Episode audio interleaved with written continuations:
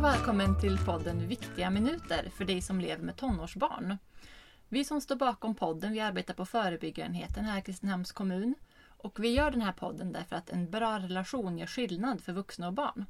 Och vi hoppas att du som lyssnar får inspiration till de viktiga minuter som du lägger på barn i din närhet. Och jag som pratar heter Klara Tuvesson och med det också Jessica Flod och Johanna Pettersson Östlund. Mm. Är det kul att vara här? Ja, alltid kul att vara här. Ja. Vi har ju varit ute och fått lite reaktioner på podden. Den har ju sänds nu i några omgångar. Du, vi har fått mycket positiva reaktioner och så har vi fått några som tycker att det är det värsta de har hört. Så pass. Ja, Fast men- det är positivt. ja och Ja. det, får, det är jättespännande att höra vad alla tycker. Så att ni får ju jättegärna gå in och recensera podden och skriva det som ni tycker är bra och det som ni tycker är inte bra. Så att vi vet. Enda sättet för att vi ska bli bättre. Vi har fått in en fråga till podden som vi tänkte försöka svara på bäst vi kan. Den går så här. Jag har precis flyttat ihop med min pojkvän. Han har en tonårsson sedan tidigare och vi har umgåtts alla tre förut och sonen har bott en del av tiden hos sin pappa i deras förra lägenhet. Men sen vi flyttade ihop har sonen nästan inte velat vara hos oss alls. Vi tror att det kan vara för att det är strängare regler hos oss än när han bor hos sin mamma där han får vara uppe hur länge han vill och slippa hjälpa till. Hur ska vi göra för att han ska vilja vara mer hos oss? Mm, det är knivigt. Inte helt enkelt. Nej, hur, kan vi, hur tänker vi kring det här? Jag tänker att det kan vara så att man behöver tänka mycket på relationen som pappan och sonen har och försöka få till den relationen. Det verkar som de har haft en bra tidigare. Och kanske ska de fokusera mest på det först. Inte lägga så mycket vikt vid boendet menar du, utan fokusera på...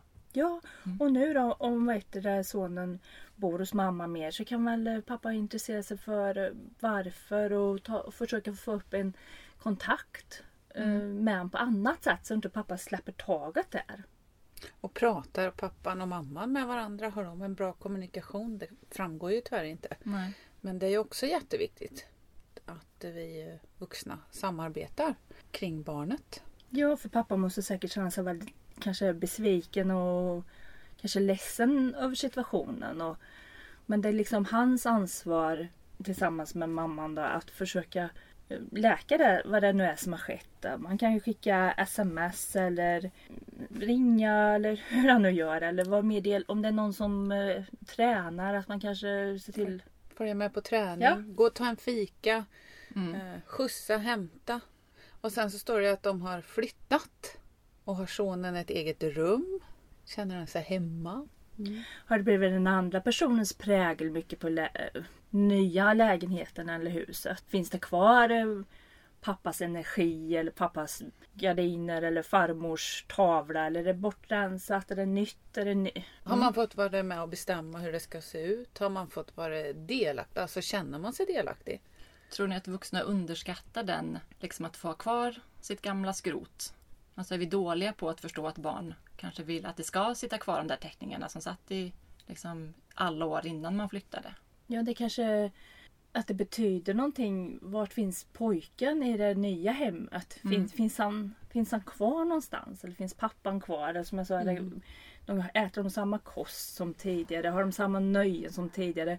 Eller har pappans klädstil också ändrats? För ibland när man träffar någon ny så blir det så mycket nytt. Pappan kanske blir liksom en 2.0 av sig själv, en uppgradering fast barnet är inte med på den. Eller hemmet kanske blir finare och bättre fast jag vet, jag vet inte. Man kan ju bara fundera.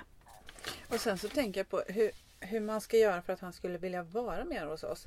Ja men eh, bonus, bonusmamman också kanske kan skicka ett sms och få han lite delaktig också. Och bara vilja gå och ta en fika eller Vad ska man skriva då när man, när man skickar sms eller när man ringer? Liksom, vad, vad ska man lägga? Men jag tänker bara en tanke. Mm. Hej, hoppas allt är okej. Vi saknar dig. Mm. Ja, det kan man göra. Eller så kanske hon ska dra sig undan. Det, Ja, det ja, beror, ju, man får ju- beror ju på kanske pojken och pappan bara som ska vara. Eller alla tre. Då. Hur vet man det då? Vilket av det som det är? Ja, man får väl prova sig fram tills det lyckas. Och har han den här pappan fortfarande en bra relation med mamman så kanske hon sitter med en del av svaren.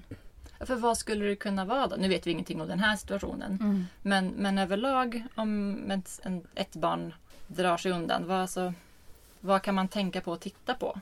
Jag tänker ibland är kanske bara närheten till eh, tidigare skola och kompis och kompisar. Och, Det är mer Lätt. praktiskt. ja, Mm.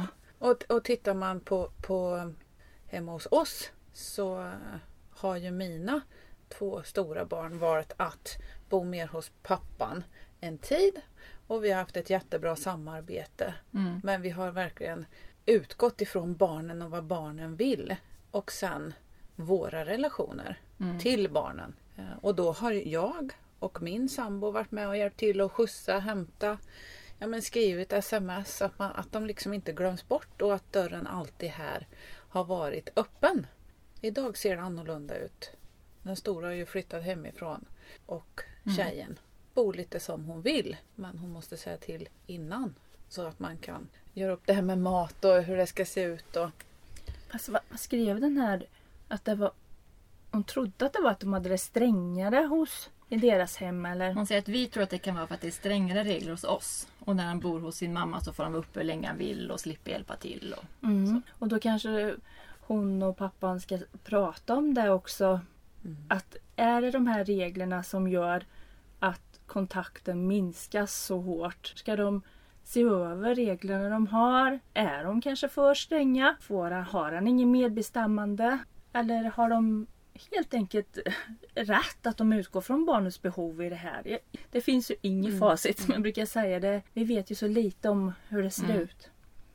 Men jag tyckte du sa så klokt Johanna en annan dag. Att du sa att ofta så när man skiljer sig så är det för att man inte kommer överens om saker. Ja. Så att man har olika regler och att, det, att man får göra olika mycket i, i två olika hem. Det är ju kanske inte så konstigt. Nej.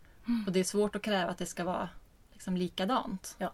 Och även om den här mamman och pappan inte hade skilt sig så hade de säkert mött på för den här eh, tonåringen håller på att växa upp och bli, bli en egen individ med egna tankar också. Så Mm. att även om man bor ihop så, så kan det ju krocka Mm. med alla individer i familjen. Hur mycket ska tonåringar få bestämma egentligen över sitt boende när föräldrar är skilda överlag så? Jag tänker att det finns ett avtal så ska ju det följas. Och sen så den här myten om att man ska vara 12 år och få bestämma den stämmer ju inte. Eh, Det finns ingen exakt åldersgräns. Så enligt lag så har barnen rätt att framföra sin vilja utifrån ålder och mognad. Och barn är olika och man lyssnar på alla oavsett ålder Mm. så lyssnar man på dem. Men att man utgår ifrån mognaden. Mm. Det tror jag också är viktigt att komma ihåg. Att man faktiskt utgår och lyssnar ifrån barnet. Barnets perspektiv. Så att barnet slipper vara med i den här dragkampen. Och att Mm. vi som föräldrar får lyfta, eh, lyfta våra huvuden över barnen och samarbeta. Så att de faktiskt slipper att sitta i den. Ja, att man försöker uppmuntra en nära relation till sitt ex då. Eh, Alltså barnen har ju rätt till två föräldrar. Ibland blandas det ihop för kanske att en känner sig väldigt sviken i skilsmässan. En vuxen känner sig sviken. Mm.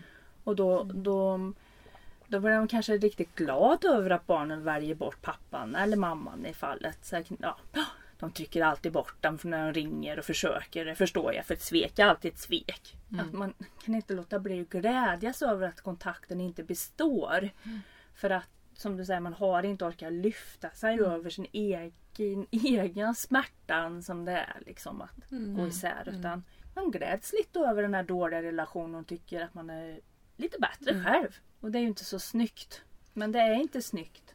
Men och sen kan det bli tvärtom också. Att man som förälder tycker att ja, nu har vi skilt oss och nu har vi varannan vecka så nu, har jag, nu är jag ledig varannan vecka. Ehm, och så då vill jag gärna att mitt barn ska vara hos den andra så att jag får min, för min egen tid. För, för det är så det blir rättvist. Mm. Så, hur, hur kan man tänka kring det? Jag tänker att man är på, förälder på heltid.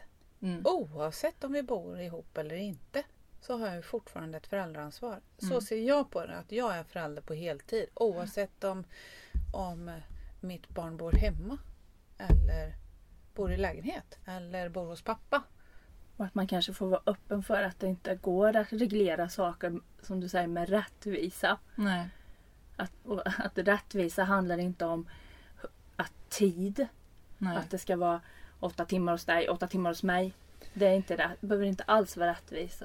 Nej, och ofta blir det också en, en ganska vuxen... Alltså du utgår från ganska mycket ett, ett vuxenperspektiv, tänker jag, Mm. hur man ska dela. Ja, men det är smidigt för oss om det är en arbetsvecka i taget, för då kan man ha ett varannan vecka-schema på jobbet. Eller det är smidigt för oss om det är... Mm. Alltså, så. Men det kanske inte är det bästa för barnet kanske skulle vara Nej. att bo inte, nio dagar och sen tre dagar och sen nio dagar och sen liksom. Ja. Eller nio månader och sen. Men det är därför det är viktigt att hålla kvar fokus på relationerna. Att Ja. den, oavsett vart man bor, så kan man tycka om varandra och ha kul ihop och träffas och visa omtänksamhet. Ja, det är viktigt att det inte... Och att det skiftar, kan skifta som du sa Jessica. Det kan skifta vart barnen bor i Ja, perioder. Man behöver inte bli så stressad Nej. eh, som förälder om ens barn bor en lite längre period hos den andra föräldern. Men det är klart att man går till sig själv och tänker vad, vad har jag gjort för fel eller Mm. om man inte eh, pratar. Ja men som i mitt fall med, med pappan. Vad, vad är det som skiljer sig?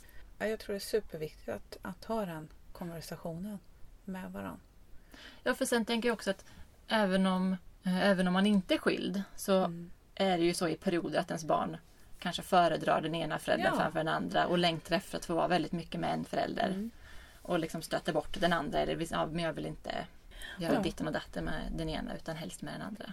Och så finns det också de här som inte har levt med sin pappa kanske på flera, flera år. Mm. Men i- just i tonåren så börjar man undersöka och bli nyfiken på vem, vem är den här pappan egentligen? Och från ingenstans så väcks det här behovet av att jag behöver se Mm. vem min pappa är. För jag är lik han. Jag hör de säger att jag skrattar som han eller jag ser Ja. ut som han eller samma humor eller man börjar reflektera där när man ska utvecklas till en hel vuxen person. Mm. Så vill man veta sina rötter. Ja. Ja. Och det kan vara förvånande från, för båda föräldrarna då. Där den har haft ansvaret i alla år och den andra inte. Och inte haft relationen heller. Att bli förälder helt plötsligt till en Mm. tonåring. Mm. Men också då som du säger jätteviktigt att man bibehåller relationen. Mm. Så att man har den grunden oavsett vart ens barn bor. Ja. Att man har någonting att falla tillbaks på. Och att det kan vara i det vardagliga. Mm. Liksom att, att man fortsätter höra av sig, att man fortsätter, fortsätter fiska. Ehm, Och inte ge upp. Nej, Nej. inte ge upp. Du hade ett tips också Johanna på att man kunde följa upp lite hur det går. Ja, att man kan utvärdera. Ja, Att precis. man provar ett tag. Ja. Och vad var det som var bra med det här sättet och vad var det som var mindre bra?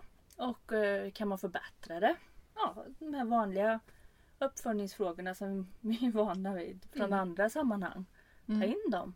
Mm. Och bestäm och bestäm om och prova igen.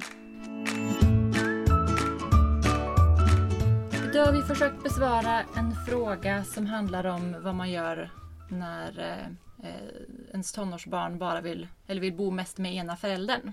Och då har vi sagt att det viktigaste är att fokusera på relationen. Att försöka hålla den vid liv. Det kan man göra med att ringa, smsa, hålla kontakter på andra sätt, vara med i vardagen ändå. Eh, hämta och lämna, skjutsa till kompisar och så vidare. Vi har sagt att det är vuxna som ansvarar för relationen. Det är vuxna som ska se till att barn känner sig saknade och älskade. Man kan också fundera på när man som i det här fallet i frågan har flyttat. Finns barnets hem kvar? Finns det någonting som, som är som vanligt? Är det den vanliga maten i kylskåpet? Är det den vanliga... Ja, ser, det, ser det ut som det brukar? Och försöka flytta med delar av det så att man ändå känner sig hemma även fast det är ett nytt hem. Man kan prova olika lösningar. Ehm, Vuxna får lyfta blicken och försöka titta på helheten och vara lyhörd inför barnens behov.